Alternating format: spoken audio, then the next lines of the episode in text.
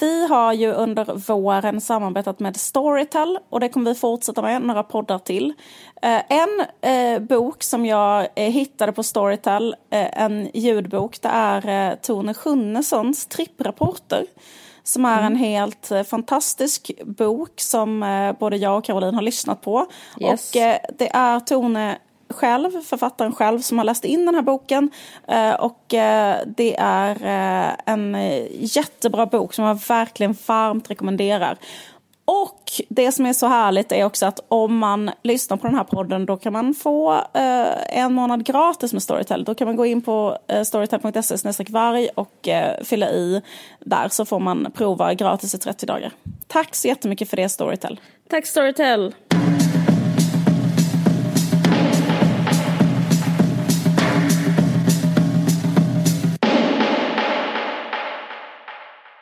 Jag tillåter mig själv att ha en spaning i den här podden. Eh, That's what pods are for. mm, verkligen. Här är min spaning. Regina Lunds nya vår. Ah, Du vet, då, Regi- måste du ha, då måste du ha tre exempel. Du vet, Jag har det. Det. det som, ja, Jag har det. fantastiskt, ge mig. Ja, så här. Regina Lund eh, har länge varit ett driftkucku. Ja. Jag vet inte om jag uttalade det rätt, jag bara läste ordet innan. Driftkucku. Har du ett manus som du sitter och Nej, läser jag har på? inte det, jag har inte det. Men jag bara, liksom, jag bara kör nu. Jag tycker Eh, det är high toppen. Ja, okej. Regina Lund har länge varit driftkucku i svensk media. Eh, det gick, hon, hon, var ju extremt liksom, het faktiskt, det måste man ge henne. Anledningen till att hon fick sånt hårt fall var att hon var väldigt så här, eh, amazing på 90-talet och liksom början av 2000-talet. Hon var liksom riktigt amazing ett tag. Och liksom vacker, strålade, liksom, fick massa roller, var på Dramaten, hade en sån karriär. Var liksom asbra. She beat cancer också. Alltså hon var väldigt så här, duktig. Eh, men sen så blev hon så totalt eh, sågad. Jag bara, Det här är bara backstory till min, eh, min spaning. Eh, allt som hon gjorde var töntigt, fånigt. Hon var så här... Eh, speciellt de här grejerna med att hon skulle vara synsk.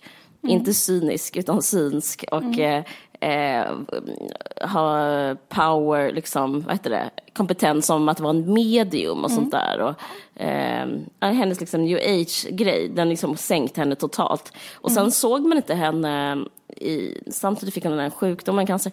Och, men jag tror inte det var det. Jag tror liksom att hon var så jävla, hennes aktier var så jävla låga i Det var också, förlåt får jag säga en sak, Ja. att det var att hon ville börja göra egen musik och den var det. musiken ansågs väldigt dålig. Och sen hade hon ett sommarprogram där hon bara spelade sina egna låtar som en slags PR-projekt och Ja. så vidare. Så att hon blev liksom avskydd på grund av det här. Ja men det kanske inte var så smart move, men hon var liksom en Dramatenskådis som inte fick jobb och sådär i alla fall och även varit med i massa filmer. Eh, men sen så hände någonting eh, förra året.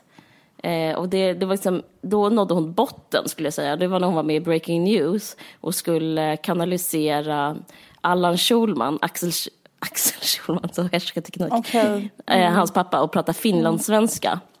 Det var liksom väldigt, ja men det var inte så kul för att, för att det var så dåligt och taskigt så här mot honom. Alltså man precis, om man älskar någon som dör så vill man liksom inte ha en ta, tafflig version av honom. Eh, liksom av något, liksom, en idiot. Så det var liksom jättedåligt. Och sen så blev det liksom lite rubriker om hur dålig hon var. Men sen så kom hon tillbaka. Och nu är upp, upp, nu rö, nu rör hon en ny vår. Och den, eh, tre snabba exempel. Dels har hon spelar hon en jättebra roll i Bonusfamiljen som jag alltid pratar om. Eh, den har fått en tredje säsong, så den är stor. Det är liksom största, Sveriges största dramaserie nu, den här eh, med Vera Vitali. Eh, och eh, bland annat Regina Lund då. Och sen så eh, har hon börjat få reklamgig. Jag vet inte om du ser på linjär tv, men om man ser på TV4 till exempel eh, så kommer annonser för Blocket och då är hon då är, liksom spelar hon ett pajigt medium som låtsas ha liksom sån här Det har jag faktiskt sett Ja. på Youtube.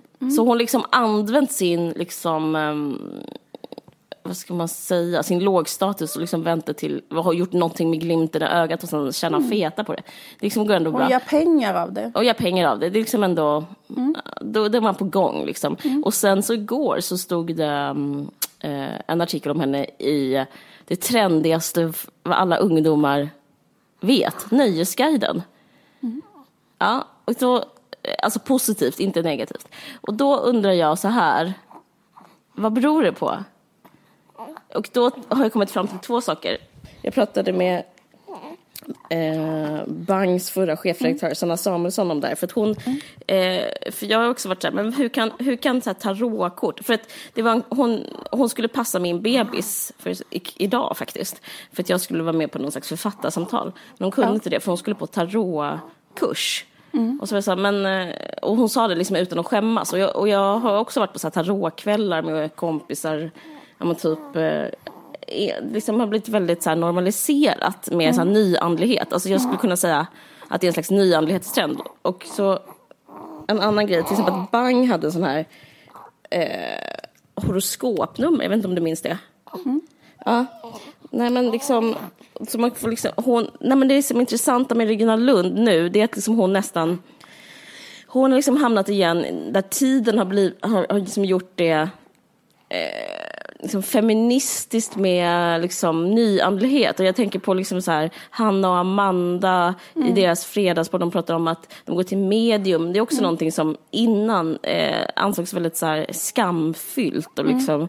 och man pratar jättemycket om, eh, ja, man liksom kopplar ihop eh, ja, men så här, feminism med sådana saker. jag vet inte om man ska kalla det feminism, men kvinnlighet. Och kvinnlighet som Eh, man inte, man, som man inte skäms för. Och jag tror att det handlar lite om eh, det här med, eh, alltså det är nästan, det, det handlar om en sån self-care-trend.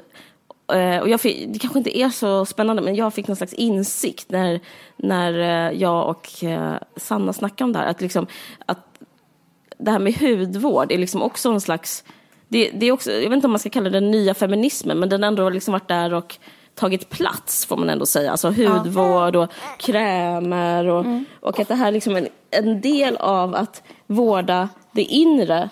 Ja. Och att det är liksom, så på ett sätt så är det, det är som också, att... Det är också likt för att det är, är inte baserat på vetenskap. För det är inte hudvård heller. Alltså att det är så här, det Nej. är påhittat. Precis, men det är, det, är, mm, det är folkligt. Och det är inte ja. bara det, det är också omhuldat av eh, Alltså jag tänkte på 90-talet så var allting som så var kvinnligt så, så var det så här pinsamt. Men nu så är det som mm. att det är... Eh, alltså Regina Lunds om man, och status, och man skulle kunna bara liksom översätta den, förutom det du som, om man skriva dåliga låtar, för det handlar nog om något annat. Men, men det där att vara liksom prata mycket om eh, ovetenskapliga grejer, känna mm. mycket, mm. ta plats och kanske gråta i tv, lite sånt allt det har hon, liksom, hon blivit hatad för. Men mm. jag tycker det känns som, alltså det här är egentligen en positiv nyhet, som att hon, hon är liksom en slags temperatur på att eh, vårt samhälle har uppvärderat en typ av kvinnlighet. Och nu säger inte jag att den kvinnligheten är bra eller dålig, men att den ändå får, den får liksom vara med i ett samtal i det offentliga rummet utan att bli pissad på, som jag kan tänka mig kanske att, ja men, alltså, om Killinggänget hade funnits lite senare hade de gjort någonting på Regina Lund. Men liksom, ja, men du förstår vad jag menar. Så att liksom, ja. Eh, jag skulle säga att det är, ja, men det är en glad nyhet på något sätt. Jag funderar på också om det handlar om någonting som bara är att som jag tycker att man ser hela tiden, att, liksom, att, alltid, att sådana där grejer alltid går i vågor. Mm. Alltså, att, alltså att först var hon jättecreddig, sen mm. blev hon jättehatad. Mm. Sen är det liksom en oundviklig dramaturgi att hon ska tas tillbaka. Är alltså, det så? Men vissa hamnar ju bara ute i kylan för evigt. Ja, jag tycker, alltså, jag, särskilt jag, äldre kvinnor tänker jag. Därför ja, är det så fast speciellt. nu har jag en spaning som ja. liksom ändå, jag, jag, tycker ändå att man kan se det här. Alltså mm. till exempel en annan person som vi tänkte prata om faktiskt i det här avsnittet, nämligen Anna Wahlgren. Mm. Är inte det lite samma sak där? Att, jo. Eh, hon är liksom en, eh, en kvinna som, eh, om folk inte känner till henne så är hon en författare som var väldigt specialiserad på att skriva om... Dels var hon skönlitterär författare, hon, skrev, hon är mest känd för att hon skrev en bok som handlar om barn, hur man tar hand om barn. Och så var hon liksom en jättehyllad debattör. Och sen så liksom... Eh, sen så blev det liksom ett jättehårt fall för henne. Ja. Och sen blev hon i princip jagad ur landet. Ja. Eh, men jag upplever absolut att hon har en renässans nu. Alltså att folk liksom, eh, jag menar Camilla Läckberg skrev ett jättelångt inlägg till hennes försvar, typ Katrin Zytomierska. Alltså de här människorna går ut och, och liksom försvarar henne och, och tycker liksom att hon har blivit illa behandlad för att hon är en kvinna och hit och dit liksom. Ja, visst. Eh, eh, så att, um, och, och, jag vet inte, jag tänker på det med Horace Engdahl till exempel nu, han är verkligen nere i så här en svacka. Mm. Men jag, jag, kan, jag kan liksom sätta mig, alltså jag typ kan komma äta upp min hatt om inte han innan han dör. Det kanske inte är så många år kvar, men jag menar någon gång innan han dör så tror jag att det kommer komma en renässans där folk kommer komma ihåg någonting annat. Eller vad tror du? Med Horace? Ja, det, eller med det är redan på, Jo, det är det här året. Det är 2018 skulle jag säga. Alltså jag vet inte om han kommer vara rent från men jag tänker mer på den här så dramaturgin att man bara, jag tror också det handlar om att man bara blir trött på, alltså, ja. alltså varför människor alltid kommer tillbaka. Jag tänker att det kan vara något att eh, hålla, komma ihåg för man själv skulle bli utsatt för en sån här grej någon gång. Ja. Att eh, mycket handlar om liksom, jag tycker det är jävligt intressant för att jag läste en gång en undersökning som handlar om det här, att man brukar mm. ofta säga så här, men att eh, kvinnliga politiker har blivit eh, oftare, alltså typ om någon politiker har gjort något fel, typ mm. fuskat med något eller fifflat med något så brukar man säga liksom att männen sitter kvar men kvinnorna får mm. gå. Typ såhär, mm. Mm. Ja, vid små fe enkla fel eller små pyttesmå grejer. De har haft någon mm. svart städhjälp, de har inte betalat skatt, bla bla bla. Mm. Men grejen är att det finns någon statsvetare som har gjort en undersökning om detta och det stämmer inte. Alltså det är inte så att, uh, att um, i högre grad liksom att kvinnor har blivit dreven är lika hög utsträckning mot män och kvinnor. Men det som mm. händer är att kvinnorna hoppar av och männen gör inte det. Nej. Alltså jag vet inte om du kommer ihåg så här, när det var... Så det finns någonting också med att det här är ett råd då till kvinnor. Mm. Att man bara ska sitta på sin röv tills det har gått över. Alltså förstår du mm. vad jag menar? För ja. det är liksom, liksom att så här, det kan ju kännas så. Då bara, nej, alltså, till exempel i, i den borgerliga regeringen så var det ju flera stycken som inte hade betalat tv-avgiften. Det var tre mm. stycken ministrar som inte hade gjort det. Mm. Och de två kvinnorna, Maria Borelius och Stege Kilo, de avgick. Men Tobias Billström hade inte heller gjort det någonsin. Och han, mm. jag menar, vem minns det om Tobias Billström idag? Han var ju bara migrationsminister i åtta år och har fortfarande med i Moderaternas... Alltså förstår du vad jag menar? Det, det mm. finns liksom ingen som ens minns det, att han var med om ett sånt drev. Att han inte hade betalat tv-avgiften. Nej, det är sant. För han bara satt kvar och lät det susa förbi öronen liksom. Så ska man göra. Man ska hålla käften och sitta kvar. Exakt. Men en sak apropå Anna, Anna Wahlgren, om jag får gå tillbaka lite till det. Jag vet inte om man behöver så presentera jo, Anna Wahlgren. Men jag, kan inte du göra det? Presentera ja, henne. Det, mm. det, det, finns en dokumentär just nu på SVT Play två delar som handlar om henne. Eh, hon är då en eh, författare, som hade nio stycken barn. Mm. Som hon uppfostrade själv. Hela eh, Sveriges mamma hette den tror jag. Just det, precis. Och hon eh, var också en väldigt så, stridbar debattör i massa frågor. Mm. Dagis, eh, you name it liksom. Porr. Alltså hon var liksom eh, hela tiden hon är med. mest känd tror jag väl för sömnmetoden. So Just det. Sova-metoden. Den tycker inte jag dokumentären sa så mycket om. Men det är väl att man eh, kallas den femminutersmetoden? Är det den? Nej, det är inte den. Naha, men okay. den liknar femminutersmetoden. Den går ut på att man ska lära barnet att sova i sin egen säng. Och det som är mest kontroversiellt är att hon råder folk att lägga sitt barn på mage.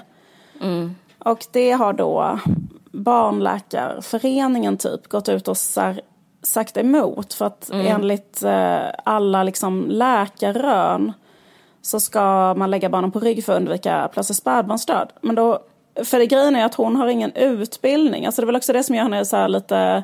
Att hon, hon har bara, eller bara bara, men hon, det, det hon bygger allting på det är sin egen eh, erfarenhet mm. av att ha tagit hand om en massa barn. Mm. Eh, och ehm, Sen så är det väl folk då som också menar på att, för hon menar på att om man gör den metoden i tre nätter och låter barnet ligga på mage och om det börjar skrika så ska man inte ta upp det utan man ska, man ska liksom eh, vagga det och trycka sin hand mot det. Mm. Eh, tills det slutar skrika. Så att det inte lär sig att det blir upptaget. Utan att mm. det lär sig att det ska vara tryggt i sängen. Mm. Eh, och då har ju det här då fått kritik. Eh, men också då på grund av att man inte ska då trösta barnet, att man tänker att det är fel. Liksom. Mm. Eller att vissa menar då att det är det här att man ska låta barnen ligga och skrika, att det inte är bra för barnet. Liksom. Fast det är väl inte heller egentligen att man ska låta det skrika, det är att man ska gå in och hålla handen på det, man ska bara inte ta upp det liksom. Ja, jag tror det också. Ja. Precis. Femminutersmetoden däremot, det är att man ska gå in var femte minut oavsett om barnet skriker. Aha. Så att barnet inte lär sig, så här, man ska lära barnet att skriket kopplas inte ihop med hjälp. Alltså typ det ska, barnet ska lära sig att det hjälper inte att skrika. Typ så här, om det skriker så kommer ändå inte mamman. Sen kommer mamman fem minuter senare. Alltså förstår du? Mm. Det är det som är idén. Ja. Att det inte ska Ja, lära precis. sig att det kan eh, själv kalla på, på sin mamma typ. Nej, precis. Det ska veta att det är ännu mer maktlöst än det är. Liksom. Exakt, det ska liksom... Det ska eh, det ska förstå att det finns inget den kan göra överhuvudtaget. Det är... Eh, ja, precis. Och ingen kommer när man, eh, när man behöver någon. Nej, det är det precis. den lär sig också. Och kommunikation. Kommunikation kan man bara glömma. Det är inte ett sätt Exakt. att få det man vill. Eh, ja, men precis. Eh, nej, men den har vi båda sett och det är eh, väldigt... Eh, ja, men, den heter Barnaboken den där tror jag. Den här, eh, mm, precis. Den Vet att jag... Ja, Ja, den kom ut 1983. När Mm. jag fick mitt första barn, det var 2009 och det var precis innan liksom Anna Wahlgren föll. För då kan man säga att hon fortfarande hade ganska hög status ända fram till Mm. Ah, 2009. För då liksom hittade jag den på ett antikvariat och köpte den för att så här, ah, jag ska få ett barn och ska läsa lite om barnuppfostran typ. Eh, och sen så liksom, eh, typ ett halvår senare så bara kom det sån jävla liksom katastrofdrev mot henne. Först då blev det liksom att eh, det här med att, att, att hennes sömnmetod blev otroligt kritiserad också för att vara brutal mot barn och hit hit och dit. Och sen så skrev ju hennes eget barn en eh, Felicia en Fält. bok, Felicia Fält skrev en bok, hennes vuxna dotter då, om hur eh, himla dåligt eh, hon hade haft det när hon var liten. Liksom. Men får jag säga en sak? Jag kan bara säga det här för att, eh, för att när jag läste den boken, det fanns faktiskt, för det finns ju massa fler råd än, än det här med bara hur man ska sova. För jag har aldrig praktiserat någon sån sömngrej med mina barn. Men däremot så lärde jag mig en annan grej just med bebisar, som jag faktiskt har tänkt på ofta med bebisar. Och det är det här rådet att eh, det enda som bebisar vill veta när de är små, det är att de kan få mat. Så därför så ska man amma dem hela tiden. Alltså så fort det är minsta lilla så ska man alltid först prova att ge dem mat. Och sen när man har gett dem så mycket mat eh, som, så att de själva släpper bröstet, då ska man lägga dem vid det andra bröstet och bara säga så här, vill du ha en liten slurk till typ? Eh, bara för att liksom, eh, eh, för att det är typ, och, och då skänker man en slags grundkänsla av att det är lugnt för barnet. För att så här, det, är det något som inte, inte finns så är det mat. Typ. Och, och det tycker jag faktiskt är rätt så klokt. Jag tycker det också. Men, men, men hon sa ju en sak i dokumentären som jag reagerar på som påminner lite om det som jag kanske inte tycker är så klokt. Som är så här, barnet har ett behov och det är att få mat. Sen så kommer inget, sen så kommer inget, sen så kommer inget. Alltså hörde du att de sa Ja. så? Och grejen är att... Det tror inte jag heller, nej. Nej, för det finns ett annat behov som inte är lär då. Och det är ju kroppskontakt. Bara, och det är liksom bara liksom att man bara har så här, någon ligger klistrad på en eh, hela tiden. Eh, men grejen är, jag förstår att det eh, inte gick att praktisera om man har nio barn. Att det liksom var jävligt... Eh, det, det, det, det förstår inte jag hur det ska gå ihop helt liksom... Ja, eh, vad heter det? Ja men helt praktiskt sådär. Att, eh, kanske, men men, men eh, det, det tror jag jättemycket på. Men, men en sak som jag tänkte på apropå det här med Svenska Akademin och eh, det här med att eh, kroppsbehov och eller kroppskontakt och allt det där och Anna Wahlgren är ju att Sara Danius som är den där avgådda, avgådda, heter det så? Nej, det tror jag inte. Men eh, det kan, kanske kan vara ett nytt eh, ord som de kan föra in i sin ordlista. precis avgådda sexualsekreterare. Att hon är ju, visste du det? Hon är ju barn till Anna Wahlgren. Hon var en av de här nio barnen. Mm, hon var det äldsta. Ja, det visste jag absolut. Du visste det? Nej, jag visste inte det. Nej, men jag, är inte, jag, jag, jag vet inte om det framgår mellan mina liksom, magsura liksom, små instick, men jag, jag skyr ju Anna Wahlgrens metod. De skrämmer mig. De, eh, Jag känner mig hotad av dem. Jag har hållit mig väldigt långt borta från... Eh, jag tror bara på att liksom, eh, mm, ha ett barn klistrat mot sig hela tiden. Och eh, jag, tror, jag är också fan av att curla barn. Så, att, så att jag, har liksom, all- jag har liksom sprungit så fort liksom, jag sett hennes, eh, någonting med henne. Eh, men hur som helst, men jag tycker det är så intressant för att den kritiken som Horace Engdahl framförde i sin, i sin eh, i sin eh, eh, artikel i Expressen och som nu också är Epstein i P1 är lite så Anna Wahlgrens liksom, eh, Allan Wahlgrens metod. Att, att det, liksom, det är en person som bestämmer, det vill säga mamman. Alltså, jag bara undrar om det här, även det här, hela akademins kris, är Anna Wahlgrens fel. Och den här, så här, för att även, det är såklart Sara Danius, eh, hon, hon bara, hon, eh, de beskrev liksom hennes eh, barndom lite som att de var soldater, alla hade en uppgift mm. och, det, och eh, alltså det är otroligt, hierark, otroligt mm. hierarkiskt. Och, eh, ja, men jag vet inte om att det har, alltså, att med det att göra. Liksom, ja. att, att istället för så här mellanmänskliga bla bla bla så är det en person som bara eh, söndrar och härskar lite. Och jag säger inte att det är så, men jag vill bara nyansera den här eh, sentimentala knytblusstämningen. Att eh, det är ett helgon som vandrade ut där. Det kanske är en person som Eh, om man nu liksom tror på det sociala arvet, inte är, eller kanske är ett helgon på vissa sätt, men också om hon har ärvt några av Anna Wahlgrens metoder eh, från en uppväxt med dem så kanske det är liksom någon som har styrt med järnhand, vad vet jag. Eh, det, är bara, det, är bara, en tanke bland många. Det, det, var, det var en intressant teori som, som inte, en av de få um, som inte har kommit upp i debatten. Jag vill bara se det från, från ett annat håll. Det är det, därför en Varg söker sin podd finns. ja men det, det är verkligen så. Jag, jag tycker det, det var för det, det så hon kritiserar nämligen i det här epstein p att hon bara gjorde vad hon körde sin grej. Väldigt mycket som Anna Wahlgren gjorde med sina barn liksom, och mot hela samhället. Det som man får reda på i dokumentären är att man får ju väldigt mycket en förklaring till varför Anna Wahlgren var som hon var. För att hon själv växte upp under fruktansvärda förhållanden. Båda hennes föräldrar var liksom misshandlade henne fysiskt och psykiskt. Ja, de lämnade bort, bort henne. henne. Alltså hon hade i princip ingen... Jag tycker det var väldigt fina intervjuer med hennes halvbror som sa så här, vi fick aldrig lära oss vad kärlek var så vi har aldrig kunnat så det tog så lång tid för oss att hitta det? Ja, det tog väldigt lång tid för oss att hitta det. Ja, det var så fint. Inte. Ja, precis. Och också att, liksom, att det finns då den här historien att hon är väldigt ung. Eh, och, och hon är ju liksom helt eh, otroligt... Eh, alltså man förstår ju inte hur det går till. Att hon har varit ensamstående med nio barn och bara försökt sig på att skriva.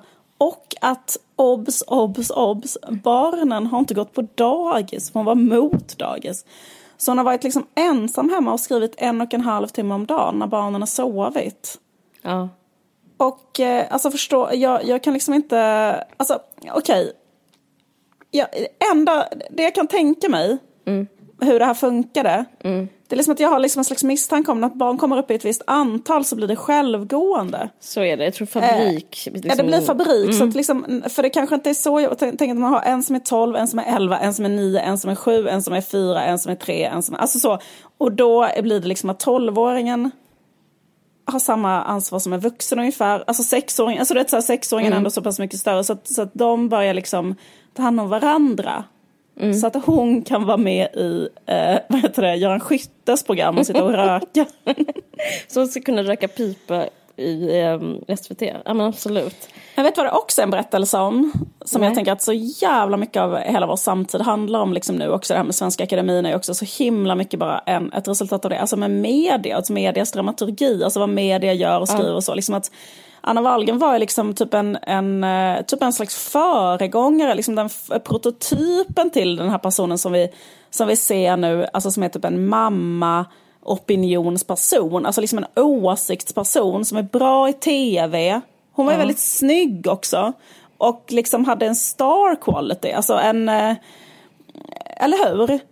Hon, ja, hon har ju det när hon går in i rutan och debatterar. Alltså hon har en fruktansvärt stark eh, utstrålning. Ja, men det är en kombination, jag håller verkligen med dig. Det är en ja. kombination med att ha det och också att vara tillräckligt dum. Förlåt, jag menar verkligen inte att jag liksom pratar illa om henne, men att hon är så här envis och inte intellektuell faktiskt. Utan så här, eh, inte vara rörlig i sina tankar. Utan hon, liksom märka hon... hur liksom samhället bara förbättras. Och, liksom, fan, alltså, dagis var liksom Alltså det var en sån revolution liksom. Och ändå vägrar vara intellektuellt rörlig. Och den personen behövs för att alla andra ska få liksom um, kunna liksom ha, alltså hon är världens bästa bollplank liksom i en debatt, så, i ett polariserat liksom debattklimat. Hon, liksom, hon tog en pool hela tiden. Exakt. Alltså det, det är väldigt, jag, jag eh, håller inte med om att det är för att hon är antiintellektuell, utan jag tänker att det handlar om att hon drevs ju bara av en egen inre smärta för att hon själv blev bortlämnad. Mm. Så hon pratar ju, det är nästan som man ser en människa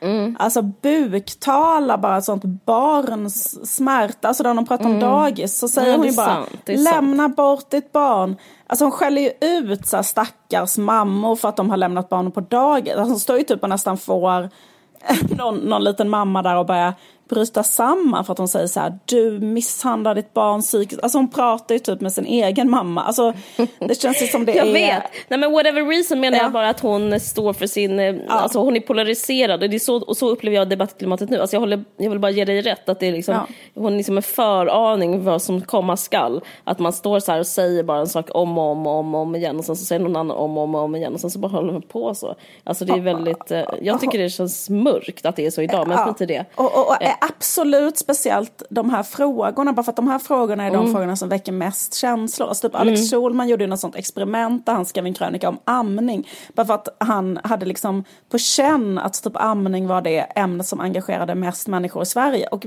mycket riktigt, jag kommer inte ihåg vad det var, för eller emot liksom. Mycket riktigt så fick han liksom mer respons än vad han har fått på någonting han har skrivit någonsin. Alltså, och typ Anna Wahlgren pratade ju bara om sådana slags ämnen. Ja. Så att, liksom, det var också så att SVTs växel blev Ja, nerringd, just alltså, det. Ja. allting krackelerades för att hon var på tv, för att hon var på tv. Hon var liksom en media... Alltså, alltså det är som att de nästan exploaterar henne också. Hon är ju liksom en människa som då mår jättedåligt. Eh, men hon är jättebra i tv och sen har de henne där och så får hon säga så här. eh, Ni som har barn på dagis misshandlar dem psykiskt. Alltså sådana slags Ja. grejer som, som, som får alla att balla ur i hela Sverige då. Liksom. Ja men det är ett clickbait innan clickbait fanns på något sätt. Eh, ja men absolut, Nej, men hon, det har hon. Och sen så har hon eh, ett- alltså jag vet inte, men det är kanske för ytligt att prata om för att jag vill inte ta från henne någonting. Men hennes utseende Ja. är, mm, det, det liksom har hon med sig hela tiden. Och jag har tänkt så jävla mycket på hennes utseende när jag såg den här dokumentären att bara hade det varit bättre om hon varit lite ful, fattar du? För alla vill ju gifta sig med. Hon bara, Ja. jag vill gifta mig med alla jag såg. Ja, tyvärr vill de gifta sig med dig också. Och eh, typ, jag vill ha barn. Ja, de, och de sa ja. För att typ, om en sån, det är typ så naturens lag. Att om en sån snygg blond, blondin typ, Mm. med perfekt kropp trots fem barn i bagaget säger så här, jag vill ha barn. Det, det, ja, det är självklart det är en bra idé fast du har fem barn innan. Alltså, det var liksom, eh, hon var liksom för snygg för sitt eget liv på något sätt. Ja. Eh, och även den läraren, eh, ni som inte eh, känner till, det gjorde inte jag, hon, hon eh, blev inackorderad på gymnasiet som lärare. Eh, och sen så efter hon har gått ut så blev han liksom eh, kär i henne och ville gifta sig med henne och då fick hon Han två barn med honom. 50, eh, för, för säga, han var ju då 53 år Ja. gammal och hon var ju 17. Alltså hon var inte ens 18, alltså det var barnäktenskap. Alltså Det var, som nu är barnäktenskap och det är Sara. Ja. Danius eh, pappa och mamma, alltså det, det var det som, han som var Sara Danius pappa. Eh, men Mm. grejen är att ja, man förstår honom också, alltså det blir liksom, eh, eh, det är självklart, alltså, att, alltså hon blir någon sån, eh, eh, ja. Jag, det, det var- jag bara tänkte på det, tänk om hon skulle se lite medioker ut, då hade liksom kanske livet kunnat bli lite bättre faktiskt. Ja, det är inte. sant. Jag tänkte också på det här, för att mamman, eh, eller dottern, den här dottern, hon heter Felicia Fält. Det är liksom Ja. en av hennes döttrar då som har skrivit, jag har inte läst den boken. Pappan är men- Kjell-Olof. Så- Nej jag skojar. Ja, det hade varit, det hade varit något. Ja, nej, jag vet inte vem pappan är. Ja, Jag har inte heller läst boken. Men det Nej, var precis. skandal Svante, Svante Weiler som gav ut den vet jag. Weilers förlag som också ge- ger ut Heberlein. Okej, Ja. Och de ger ut, eh, berätta mer, skandal, alltså de, du menar att de vill ge ut, ja. Alltså de, de ger ut liksom exakt den här typen av böcker, Weiler förlag. Eh, jag vill inte leva, jag vill den där boken. Och sen så den här boken Felicia Fält. Och sen så Björn av Kleens bok där han gör upp med adeln och en, när han gör upp med Bonniers. Alltså att det, de vill alltid liksom vara så här, vad sa ni nu då? Dra ner byxorna. Eh, hon, Felicia Fält, vad jag förstått så handlar anklagelserna i hennes bok mot att Anna Wahlgren var liksom full väldigt mycket. Alltså ja, men det sa hon ju var- själv att hon var också. Så det, Jag vet! ja, ja. Hon sa ju det själv. Och hon var ju full i tv. Och hon berättade själv att hon hade druckit sig till sömns ett helt år. Alltså för att... Alltså så att Hennes menar, barn hade det- rätt, ja. Ja. Det var mega starkt. Ja. Eh, Så att hon och, eh, och sen så liksom att, eh, att hon gick ut jättemycket eh, när hon var lite äldre och barnen liksom passade de mindre barnen men att hon var mycket på krogen och då berättade väl Felicia Fält att det var fester hemma, att det var väldigt stökigt, att det fanns män i den bekantskapskretsen som också hade liksom sexuellt ofredat henne. Så tror jag. Eh, och att mamman liksom inte hade skyddat henne från det för att mamman också hade varit så full. Och, alltså, ja, men bara helt vanliga så här, alkoholistproblem tror jag var en grej. Och sen så var det väl också att hon berättade som att hennes mamma, sa hon att hennes mamma var narcissist? Eller? Ja, hon sa så här att, eh, att hon mindes det liksom som att mamman var en glasbubbla som handlar typ om att hon skulle åka iväg och debattera hela tiden och att hon inte Just gick att det. nå henne. Man kunde inte se henne men man blev inte själv sedd som barn utan hon Just det. liksom satt och knat, knattrade på sitt nästa så här debattinlägg hela tiden. Ja, jag tänkte på liksom, eh, på en sak för att jag har läst den här boken. Erik From har skrivit en bok som heter Kärlekens konst som är typ en, ja, men en sån psykologi bok från typ 50-talet. Och Vad, vad, vad handlar den om? Alltså vad är det pitchen på den boken? Alltså, vad... Den handlar om så här, vad kärlek är för någonting typ. Eh, alltså han skrev typ en essä om liksom, alltså han var, han var ju en, en filosof eller psykoanalytiker. En så här person Nej, men- som fick, Nej men för Niklas fick den av sin kompis eh, och så undrar liksom, det, om, det, det ser nästan ut som en självhjälpsbok. Nu ser den, den, den, alltså min kille den ligger på hans eh, säng, nattduksbord. Och jag har liksom känt mig liksom rädd för den boken. Varför vill han läsa den? Men okej, du, det... det är det bästa som kan hända dig att han läser den. Okej, okej, okej. Eh, Så bara låt det vara. Okej, för grejen okej. att hela den boken handlar bara om att Jag att det var första steget till skilsmässa typ. Men Nej, det, jag tror det är helt tvärtom. Alltså, I och för sig så tror jag inte att just eh, din kille ska läsa den. Jag skojar bara. Nej men, alltså, nej, men grejen är att, att, att eh, den handlar bara om att, att man bara ska ge till andra människor. Ja, vad bra. Okej, jag, Ja, jag låter den ligga. Ja men exakt, den handlar om typ att eh, eh, eh, liksom att man, man, man fokuserar så mycket på liksom, vad kan jag få när det gäller kärlek. Ah, men att man ska- fokusera på, ja men jag vet, det är, det är ju jättebra. Men då står det en passage där i alla fall om eh, moderskärlek. Att moderskärleken har liksom ansetts vara så den högsta formen av kärlek i många liksom, kulturer och så. Jag menar, det, det finns ju hela den Mariakulten och allting. Liksom, därför att man har sett så här, moderskärleken som den renaste kärleken, så här, en mamma och en liten bebis. Därför att Eh, det är liksom en helt självuppoffrande kärlek där mamman liksom typ eh, inom citationstecken offrar alltså så, sin kropp, sin liksom, eh, ja, allting liksom p- utan att liksom få någonting tillbaka, bara ge allting till bebisen och liksom allting det här. Och, och, men då skriver han i boken att liksom det är inte så den, den, den största formen av kärlek. Utan därför att det är ändå ganska lätt att älska en bebis. Alltså, Eh, eller det är väldigt, väldigt lätt att Otroligt älska en bebis. Alltså, ja. men exakt, det är otroligt lätt att älska en bebis. Det är så otroligt lätt att ha det bra med en bebis. Alltså därför att en bebis är en slags ehm, vibrerande kärleksklump som bara alltså, eh, sprider och eh, kreerar eh, kärlek från kosmos. Alltså typ det är ju som ett slags eh, Ja, men som en sån, eh, ja, en, en, en, en sån slags en, all- en allstrande klump som alstrar kärlek. Liksom. Och, ehm, och väcker det i alla och ger det till alla och så. Men då skriver han så här, som jag tyckte var så jävla intressant. Att det som verkligen är liksom då så här... Eh, där man verkligen kan visa om man, om, man, om, man, om man är en person som kan ge kärlek eller inte, det är när barnen blir vuxna. Därför att Intressant. Visst är det intressant? Här, om, om man som mamma eller pappa eh, kan fortsätta älska sitt vuxna barn. Det är det svåraste. Eh, och det gör ju typ inga föräldrar. Alltså typ det är ju jättevanligt, eller liksom så här, förlåt, men jag menar det är ändå väldigt, väldigt vanligt att föräldrarna så här, när barnen blir vuxna liksom får så här att deras egna, så här, att, eller att ens egna, kommer det kanske bli för en själv då, liksom narcissistiska behov eh, blir eh, för stora så att man blir arg, man, man känner bara eh, fiendskap, man tycker att barnet har gjort en besviken, man tycker, alltså det ena med det tredje. Eller man klarar inte av att barnet blir självständigt eller vill vända sig ifrån, eller vad det nu må vara. Liksom.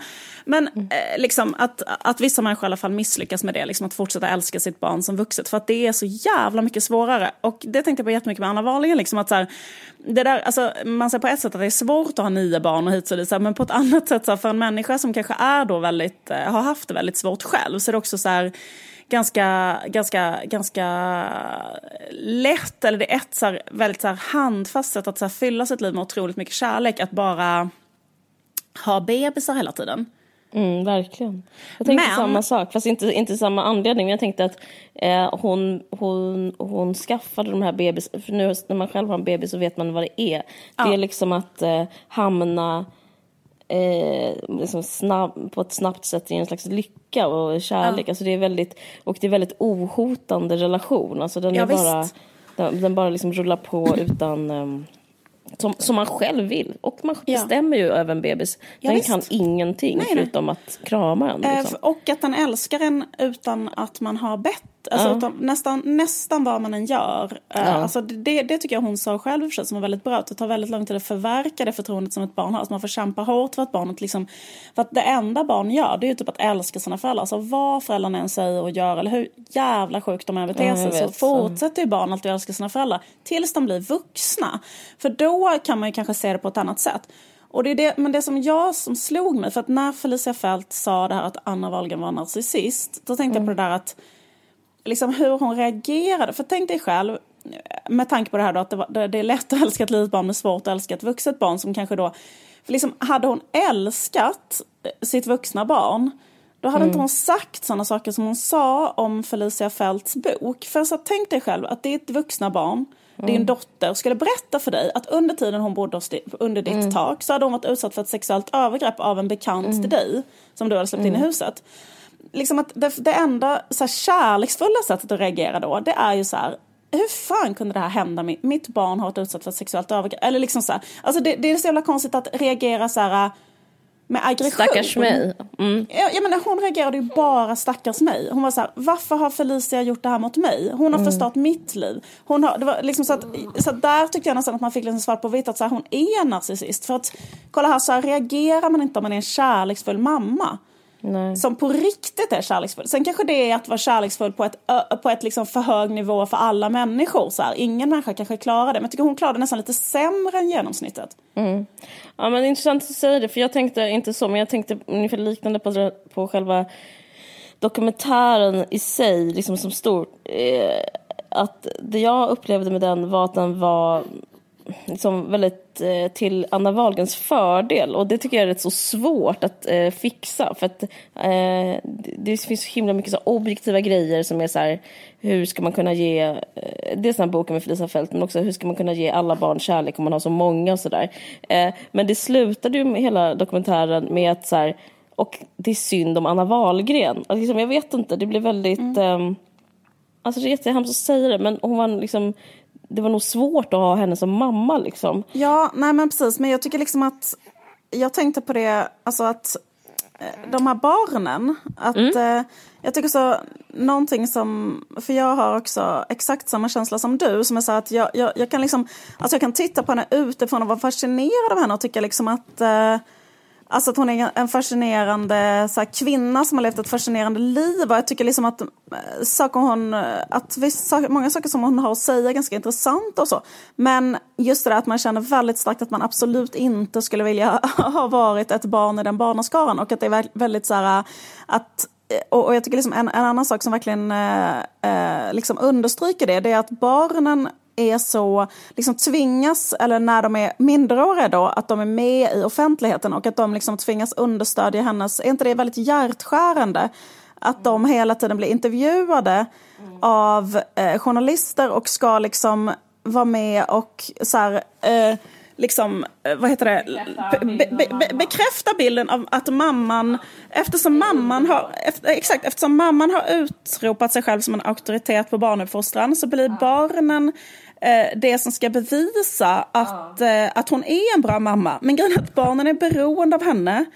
De är ekonomiskt är beroende av henne, de är underåriga, de bor där. Så de, de, de, är inte, liksom, de, de är inte på ett demokratiskt sätt eh, Alltså de kan inte säga i den tv-dokumentären att så här, jag tycker att, det är, att min mamma är skitjobbig. Eh, vilket är liksom det normala egentligen att tycka om sin mamma. Alltså, Nej men precis. Alltså... Eh, och, och, och också då att, men, och, för, och det fick mig att tänka på barn idag. Mm. Eh, för, för även i, alltså i, i, samhället idag så finns det ju många människor som liksom, eh, så här, alltså mammabloggar eller föräldrabloggar eller sådär som liksom använder sina barn eller har med sina barn på olika sätt. Liksom. Mm. Och, och, att liksom, och att det ofta också handlar om just den där grejen att de måste bekräfta att mammans liksom, livsval har varit bra. Alltså de måste hela tiden, alltså det, det, går liksom inte att beskriva något dåligt i familjen utan det, det är så här, eh, liksom, eh, ja, jag tänker på så här, människor som har med sina barn i sociala medier eller, eller till exempel, men, mm. ta, ta, en person som Camilla Läckberg till exempel som har sitt Instagram och så förekommer hennes barn där mm. på Instagrammet och sen säger jag hela tiden så här, så berättar hon hela tiden så här att, ja men eh, barnen är så himla lyckliga, de har så himla bra kontakt med eh, sina, sina liksom styvföräldrar. Alltså det liksom finns ett behov såklart från mamman att berätta hur bra allt det här är.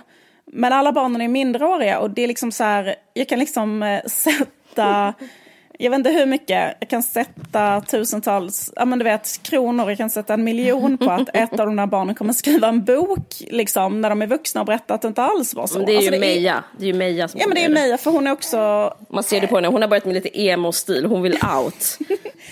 Jag tänker att eh, också att man, om man har sett flera generationer där det liksom varje generation är så här alltid jättearg på sin, på sin förälder. Mm. Alltså så tycker jag att liksom för, för, för i och med att man vet att det är så, så är det som att man, eller jag i alla fall tänker att jag liksom utgår från att mina barn kommer vara jättearga Så tänker man ju själv, man tänker ja. så här, jävlar, när kommer, när kommer smällen? Ja, alltså... eller, typ så här, eller också att det är lugnt, för att man, typ så här, det är klart att de kommer att, att vara det, men det är därför skulle, skulle jag, eller därför tycker jag att det var så jävla konstigt att liksom på något sätt utgå från att så här, nej men eh, jag har gjort en jättebra barndom för dem.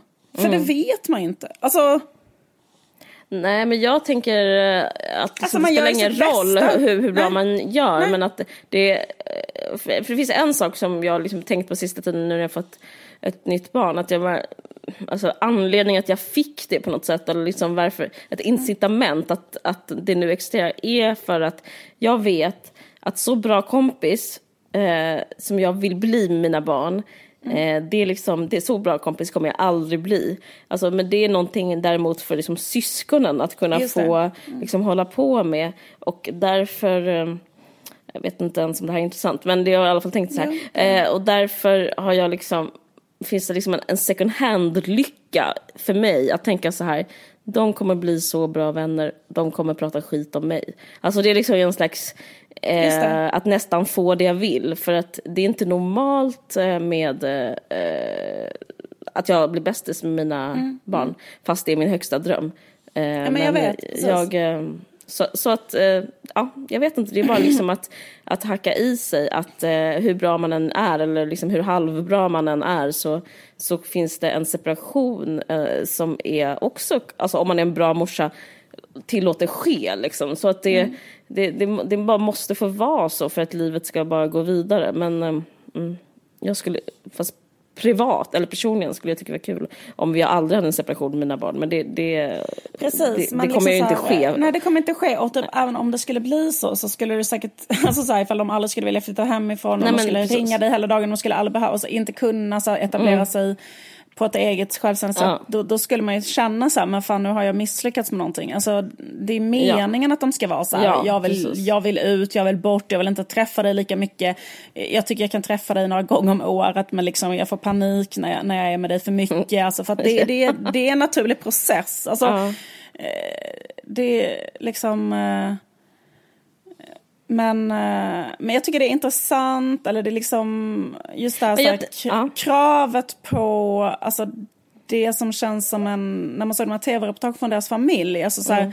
Alltså kraven på att man ska vara lycklig, alltså kraven på att detta måste vara, och, och så som man kan säga också då vissa familjebloggare eller kvinnor som bloggar om sina barn och sådär att, att det är så här att eh, barnen måste vara med och sälja det att här är vi lyckliga. Mm. Vi, vi, kan med lite undantag så lite oj det är smutsigt och det är ha ha ha och nu har vi fel strumpor på oss eller någonting. Det är liksom på den nivån kan det vara dåligt men det kan liksom inte vara dåligt på det här, så här hjärtskärande sättet så här, att barnet sen går ut och säger så här, jag känner mig inte sedd av dig överhuvudtaget under hela min uppväxt. Alltså så som Felicia Fält har sagt då, liksom att jag blev utsatt för övergrepp under taket. Alltså det är liksom... Ja. Nej men jag vet. Men sen är det lite intressant, för att jag såg att Camilla Läckberg på sitt Instagram jämför, hon försvarar Anna Wahlgren väldigt mycket mm. och då mm. hon henne med Ingmar Bergman. Eh, och det tyckte jag var intressant på ett sätt, för att de hade lika många barn. Alltså Ingmar Bergman hade också nio barn. Mm. Eh, om man bara tänker på hur de var som föräldrar. För där är det ju verkligen så att så här, säga vad man vill om hur hon uppfostrade barnen men hon hade ju ändå hand om alla nio. Och det är ja. eh, något annat än att inte ha hand om dem. Alltså, Ja men det är inte bra att du tar, eller det är, inte, det är bra att det, du säger det här, för mm. det, det är dags att säga någonting om det. För att jag tänkte på det hela tiden under den dokumentären, att frågan är liksom så felställd. För det, frågan är så här, har Anna Wahlgren rätt eller har Anna Wahlgren fel?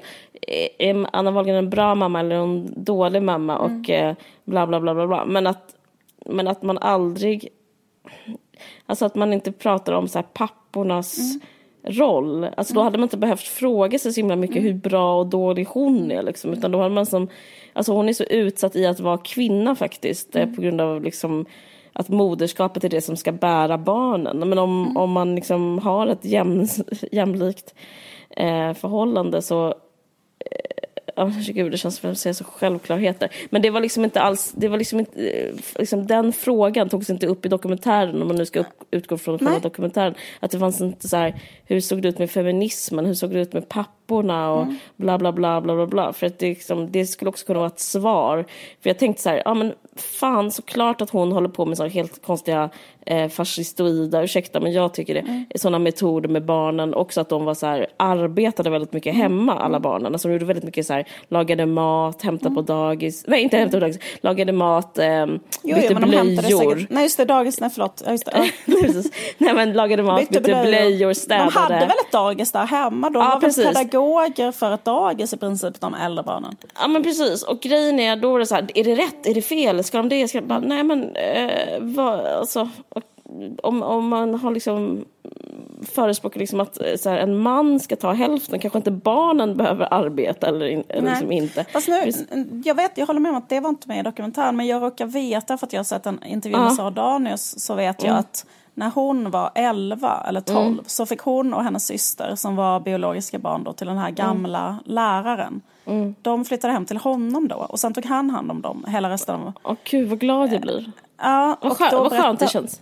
Så efter, för det som hände var ju att Anna Wahlgren tog med alla nio barnen till Egypten till ett ställe mm. som var ungefär på medeltida nivå. Och då fick ett barn difteri och dog. Mm. Och då efter det så fick de två äldsta flytta till sin pappa. Så att, och det var då hon eh, drack varje kväll ett år? Ja exakt, så att jag tror faktiskt att Sara Danius, alltså jag skulle säga så här, varför hon eller men att hon ändå har haft, tror jag, alltså hon hade ju en väldigt, eh, en, en, en pappa som var liksom svensklärare och jätte, jätte Ordnad. Verkar jättebra och mm. liksom jätteordnad. Förutom mm. det här att han gifte sig med en 17-åring en gång så verkar han liksom ha varit Jag tycker inte otroligt... det var så konstigt i sammanhanget. Nej. Nej. Nej han verkar jättebra helt enkelt. Alltså, det sa liksom ju Sven-Harry jätte... också att han var underbar. Ja men precis, alla, alla verkar tycka att han har varit en helt underbar liksom, ljuspunkt. Så, att, mm. så att mm. hon har nog haft en ganska annorlunda uppväxt kanske ändå Felicia kan man tänka sig. Att mm. Felicia kanske blev var kvar i det där.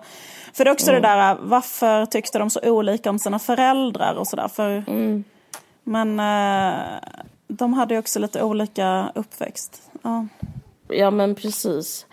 Men jag tänker också så här, det där just att folk sa att, eller att hennes dotter sa att hon var narcissist. För jag undrar också liksom om man kanske blir narcissist eller, eller liksom är den där otroliga styrkan som hon hade, att den också kommer från att hon hade så många barn. Alltså för att man får ju någon form av hybris också när man, när man har barn.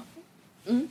Och att liksom tänka att få den hybrisen nio gånger, alltså vad det kan Men hur menar du hybris? Hur menar du hybris? Jag vet inte alltså, om jag håller med, eller om jag har känt det liksom. Du får men jag tror att en viss typ av människa kan få en hybris med så här, kolla här, när man har fött en bebis, så här, min kropp har skapat den här Ja, jag vet, du har sagt så. Jag känner inte alls så, men jag, jag, jag men, men typ så här, eh, gå, gå runt med dem, ta hand om dem. När den växer och blir tjockare så är det på grund av att du med din kropp gör så att bebisen växer.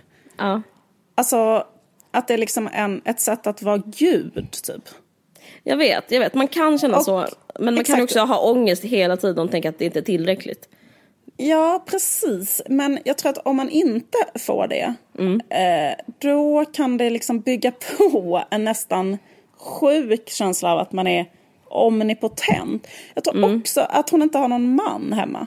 Alltså, Skapare av liv liksom. skapare av liv och tänk dig att inte ha en man heller som hjälper dig med någonting. Så att du nej. gör allting själv. Så liksom allting som händer är på grund av dig. Alltså, eh, ja, det är har så, så mäktigt. otrolig känsla av att så här, liksom, Tänk dig att liksom sitta i ett städat hem och nio barn ligger och sover. Och du tar en cigg på det. Alltså typ, eh, hur fan liksom s- m- stolt måste man vara över sig själv liksom? För att hon har ju sån otroligt självförtroende. Alltså hon, hon, hon ehm, Eh, men sen så känns det ju också som en sån människa som liksom inte kan ha någon som säger emot henne. Nej. Eller att hon, att hon är liksom, det tycker jag också var så himla talande i dokumentären. Att nu, alltså hennes liv, hennes eh, liv just nu är liksom att hon har flyttat till Indien. Och där har hon liksom en annan son, citat, slutcitat, son. Eh, som är liksom en indisk man. Ja. Eh, som hon liksom bara har typ adopterat där eller hittat eller någonting och flyttat in till hans familj. Och han tar liksom hand om henne nu av liksom jävligt oklara anledningar.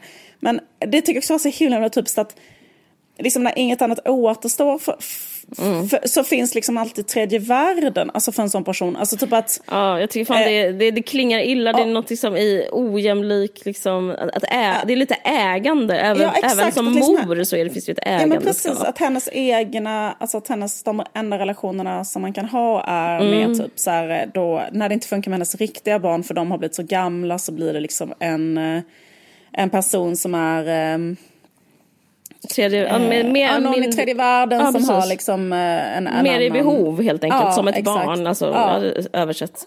Ja men absolut, ja. men jag tänkte också på det. Men en annan sak jag tänkte på som eh, är att, eh, att hon är 40-talist. Alltså jag upplever att det finns någonting, man, man pratar om så här vita kränkta män och så här, Mm. och, det, och, och att det, är så här, det, det som finns, ja men Horace kan vi prata om, jag vet inte om han är för, men hur som helst att det finns, han, eh, de folk som är födda på 40-talet och de här, särskilt männen, de, liksom, de har ju styrt Sverige sedan de liksom eh, var 20 ungefär. Ja. Och de har styrt och styrt och styrt och de tar plats och plats och plats. Men även, alltså, även 40-talistkvinnor, alltså, hon är också en av dem. Alltså, det är liksom så intressant att se dem som en, som en subkultur nästan när de börjar krympa, alltså gruppen börjar krympa och de börjar, man kan se dem från håll istället för att bara se dem som auktoriteter i ens, eh, liksom, i, ett, i vårt samhälle och på tv och fan överallt liksom. Så nu ska man liksom se dem och med liksom kisa lite på dem och bara, och de, de är, eh, alltså dels är det Anna Wahlgrens eget fel och hennes barndomstraumas fel, bla bla bla. Men det är också någonting med att själva den här generationen, deras självförtroende, det går liksom inte att eh, skoja bort. Alltså jag känner inte igen mig i den, jag känner inte igen min, mitt generations själv- självförtroende i hennes generations Nej. självförtroende. Det är liksom någonting så tvärsäkert Ja. eh, som... ehm, Det är liksom pre-postmodernismen. Ja. Alltså det är innan man har lärt sig Ja. eller förstått att det finns olika sanningar om saker eller att världen är Ja. motsägelsefull. Så här, för att de är så övertygade om liksom att så här, ja men typ jag har gjort så här med mina barn och då liksom bara startar jag en kursgård och lär ut det. Sen kommer en barnläkare och säger så här, hallå, alltså förstår du, det, det, kan inte, det kan inte göra så här och då, då omvärderar man inte det utan man bara typ höjer tonläget. Ja, och tar för sig. Det är också samma generation som... Eh, nu, nu börjar det komma en backlash på eh, adoptionsberättelserna. Alltså, eh, samma generation av 40-talister eh, var också så här... Hörni, eh, typ vi kör, vi adopterar. Gud vad gulligt av oss. Och bara adoptera jättemycket barn. Och eh, eh, jag ska inte dröja mig kvar vid det här, men det har blivit eh, korta historien är så här, och det var trauma för alla barnen som adopterades och deras eh, biologiska föräldrar. Men det är också typiskt 40-talister att vara så här, men jag tror att det här är en bra idé och sen så bara köra och liksom eh, uppleva att världen tillhör dem på något sätt. Eh, det är någonting som verkligen jag inte tror kommer fungera på samma sätt eh, idag. Liksom.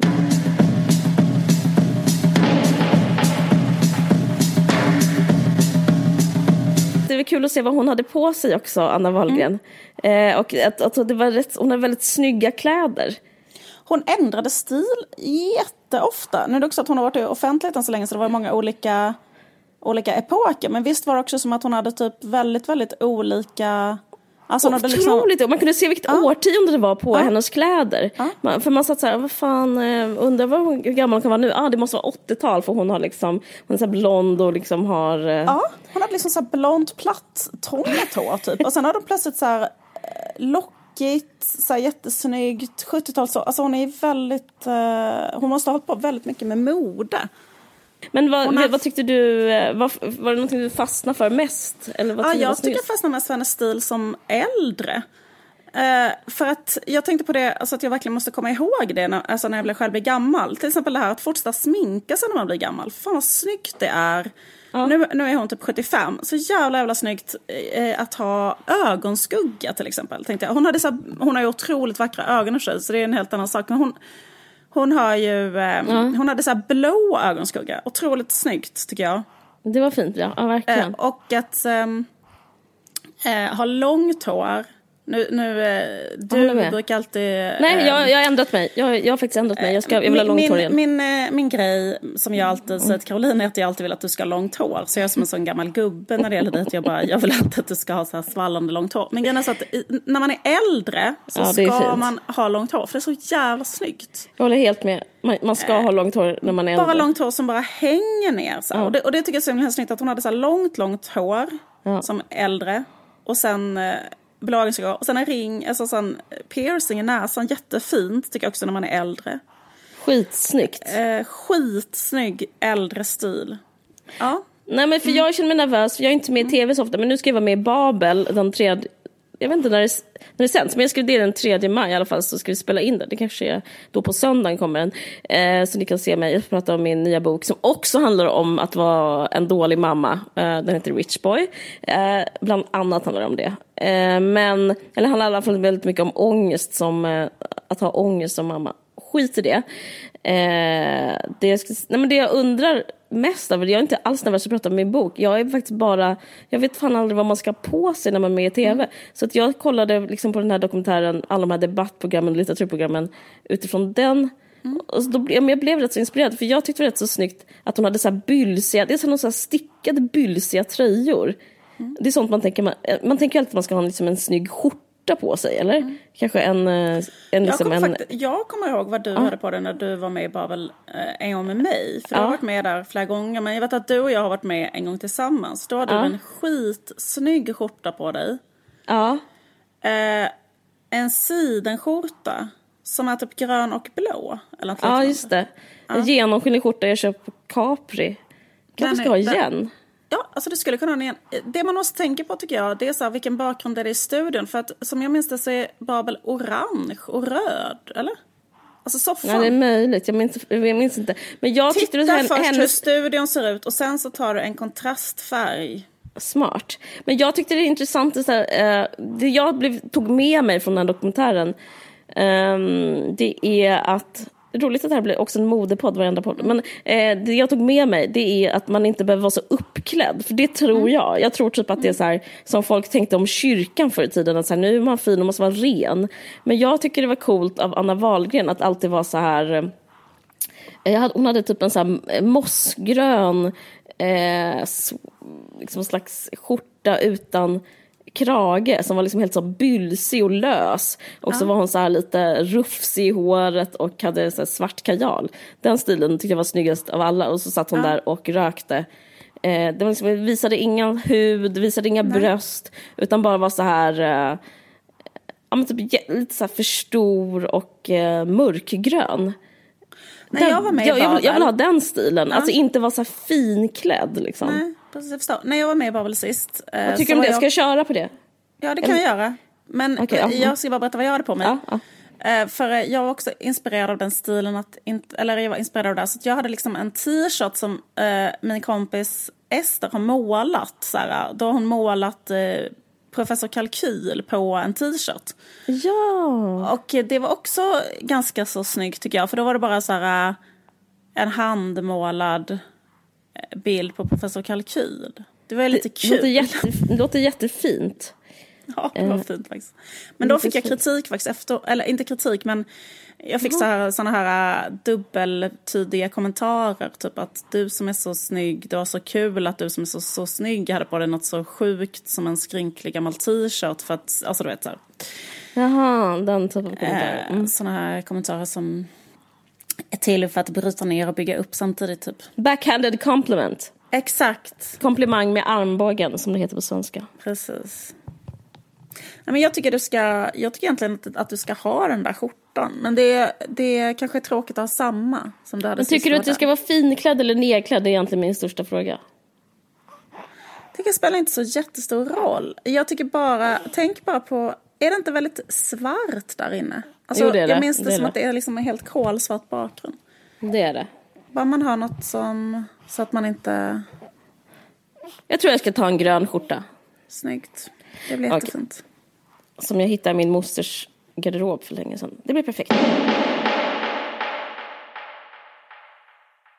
Eh, alltså, har du läst eh, Sagan om Isfolket av Margit Sandemo? Nej, jag vet inte vilken det är eller vem den författaren är. Okej. Du, alltså om du vill prata om trendig ockultism så Ja. I've got something for you. Alltså typ eh, att, att det har en renässans. Men eh, alltså feministisk ockultism. Nej men alltså Margit Sandemo var ju typ en sån eh, Alltså hon är liksom en författare som skrev, hon skrev liksom 47 böcker i serien om isfolket och hon skrev typ en bok i månaden. Alltså hon skrev så fruktansvärt snabbt.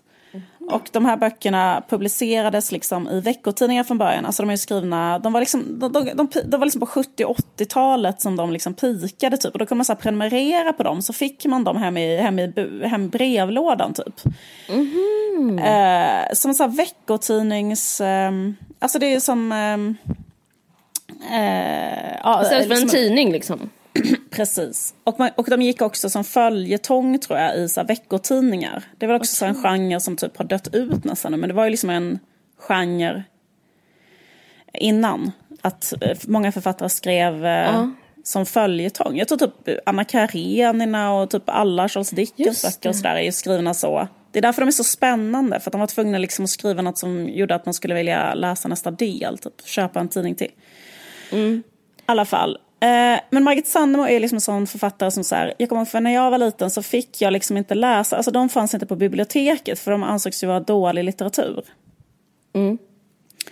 Eh, och, eh, och min mamma var så här bibliotekarie så hon ville liksom inte att jag skulle läsa sådana böcker som inte var på biblioteket. Men min kompis hade de här. Okej. Och då var jag typ hemma hos henne och läste dem. Men det som är så sjukt med de här böckerna det är liksom att de är Jag kan gissa. Sex. Ja, grejen att det är bara... Alltså, det är liksom en... eh, Det finns en historisk setting. De börjar på 1500-talet. Och då är att det finns en... eh, Men liksom att man använder eh, historia och eh, liksom eh, allting. Man använder historia som fetisch för sex. Alltså typ, alltså hon använder, det är som att ungefär att i en sexlek så skulle en vara utklädd till så här, åh jag är en fin adelsdam. Och så kanske eh, man tvingar sin kille att klä ut sig till en ehm, eh, en, en slags en dräng på gården och sen kanske man har ett sexigt rollspel kring det. Eh, det är det sättet hon använder historia på. Alltså typ att eh, eh, hon liksom, alltså för att det finns ingenting... Det finns liksom, Sexualiserar allt liksom. ja men exakt, det är, liksom att, ah, det är liksom ett upplägg som är förlagt på 1500-talet för att det ska kunna vara ett riktigt sexigt sex ska kunna ske. fattar, jag fattar. Så att typ liksom, så här, att göra det med en dräng och typ sånt. exakt, det är typ så här pesten härjar. Alltså det, eh, Men inte överallt. Eh, nej precis, pesten härjar så att Vissa någon... kroppsdelar är intakta, du fattar vad jag menar.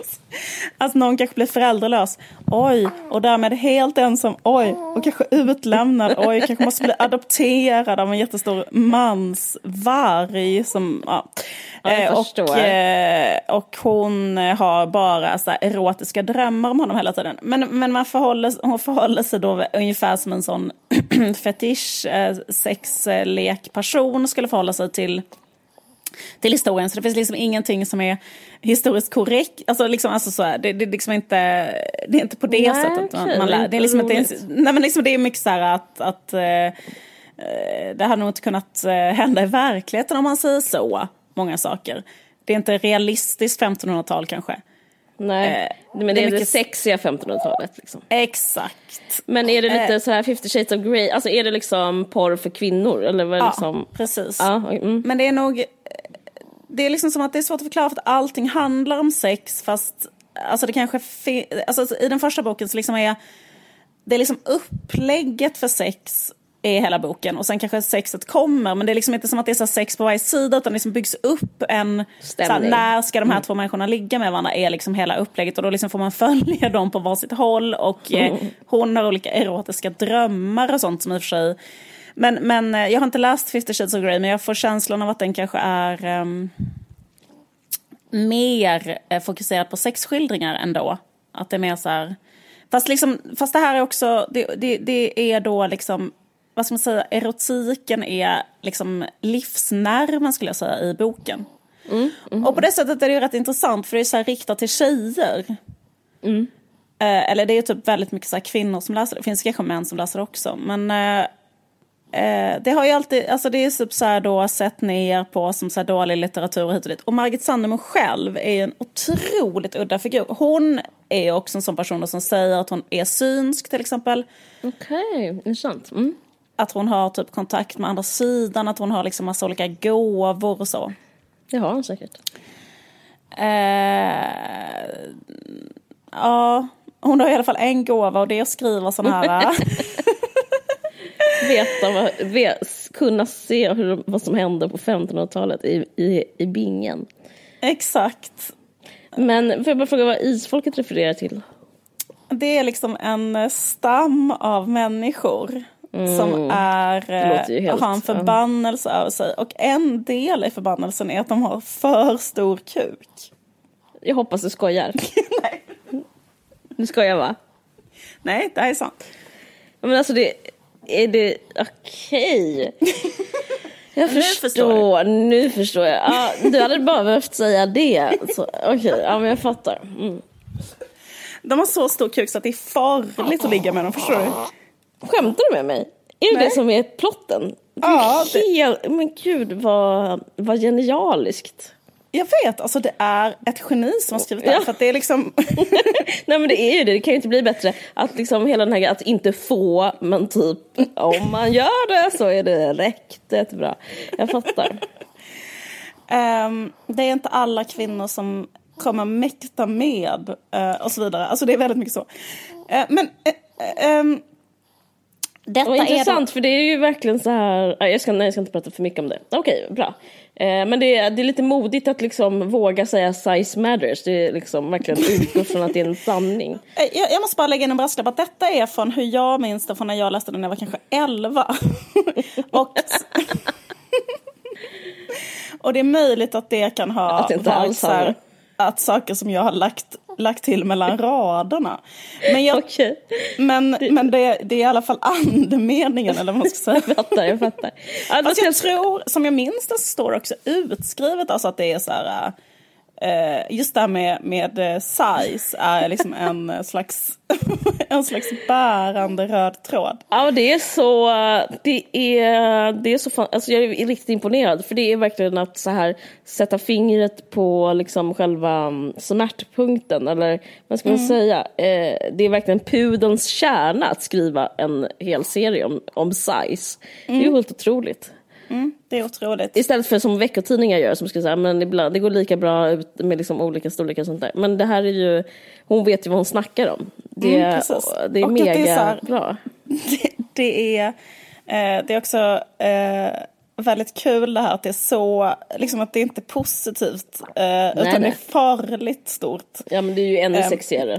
ja precis. Det är så Ja, men det, hon är genialisk, jag är, alltså hatten av. Och tänk dig det eh, eh, kombinerat med en tjej som då är kristen och Nej, emot... det är too much. Eh, jo, eh, hon är emot eh, köttets lustar för hon tycker det är fel. Samtidigt så torteras hon på nätterna av sjuka sexdrömmar om den här mannen som hon bor med då. Ja, det, det är jättebra det här. Eh, men hon tänker själv att det är fel, hon skäms över det. Men hon eh, vaknar hela tiden av att hon så här, eh, har fått orgasm. Alltså det, alltså det är liksom hela tiden såna grejer. Men jag förstår vad du menar. Men allt det här är ju, alltså, ja, allting är ju ett förspel. Alltså allting du berättade Ja. är ett förspel. Men jag hoppas den här kvinnan, eh, författarinnan, är rik. Alltså det, det, det, är sist, det hoppas det hon är det. Jag, jag, jag, jag hoppas verkligen, liksom, jag tror ändå att hon måste ha tjänat Ja, en hel del. Jag, det är liksom, men det som är kul nu också, det är att eh,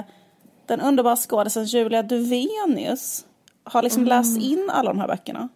Ah, Så de finns som ljudböcker. okej. Och eh, de finns på Storytel, som vi är sponsrade av. Yes. Och då eh, kan man liksom gå in och lyssna på alla dem. Och, då, och, då, och de är så jävla... Jag måste säga att det är en riktig treat att lyssna på dem. För att det är så här...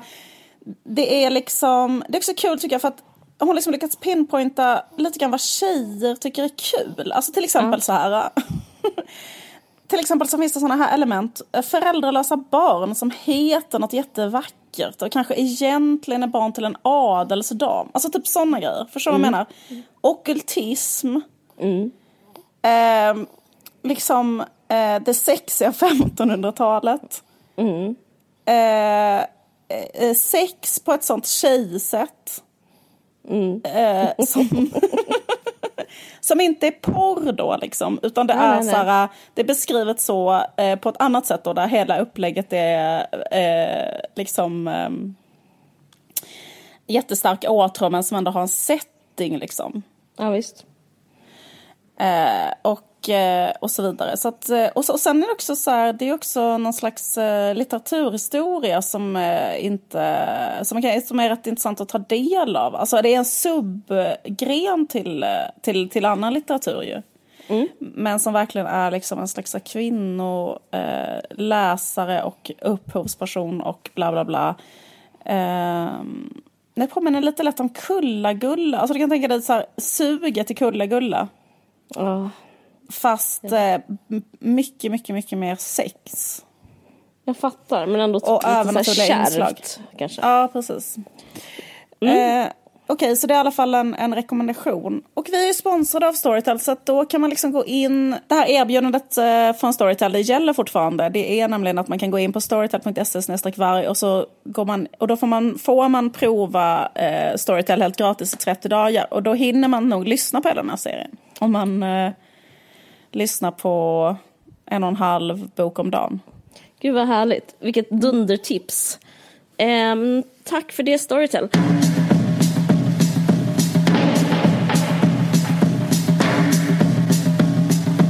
Jag eh, vill också säga att min bok kommer ut, Rich Boy, den 3 maj. Fantastiskt. Man, kommer- till och med, man kan säkert förhandsbeställa den, tror du inte det? Om man Ja, in. man, kan, man kan köpa den på Adlibris. Ja, det kan man säkert göra. Typ man brukar kunna skriva så förhandsbevakad or whatever. Precis. Gör det nu. Gör det nu, det vore kul. Jag har ändå jobbat med den ett tag. Eh, men den, eh, ja men ni får jättegärna, det vore kul om någon läste den. Du kanske till exempel Liv, du kanske kommer läsa den? Jag vill jättegärna läsa den. Men jag tänker att jag ska få ett ex av dig, eller? Du ska få ett exempel, absolut. Men den Okej. är så jävla lång. Är det typ, vad, vad är den, 750 sidor? Nej men den är, den är redigerad till 500 sidor. Men gud. Det är tre delar. Apropå, eh, den är liksom, den utspelar sig från 1920 till 2000, eh, 20 ungefär, alltså vid 100 år. Så det en mormor, en eh, mamma och en dotter. Liksom 40-tal, 70-tal och 2000-tal. Så att man kan ta det lugnt, man kan läsa en del i taget. Känns det, det, den, den är så otroligt fin också. Det känns Så, fantastiskt. så, ja. Den är underbar. Omslaget är underbart. Allt känns bara helt underbart. Eh, ja men eh, tack för att ni lyssnade även den här gången. Det, vart, eh, det var kul. det, var, det var riktigt kul. Det var härligt. Härligt att få vara nu med. hörs vi igen om två veckor. Det gör vi. Ha det gött. Ha det gött. Hej då. Hej då.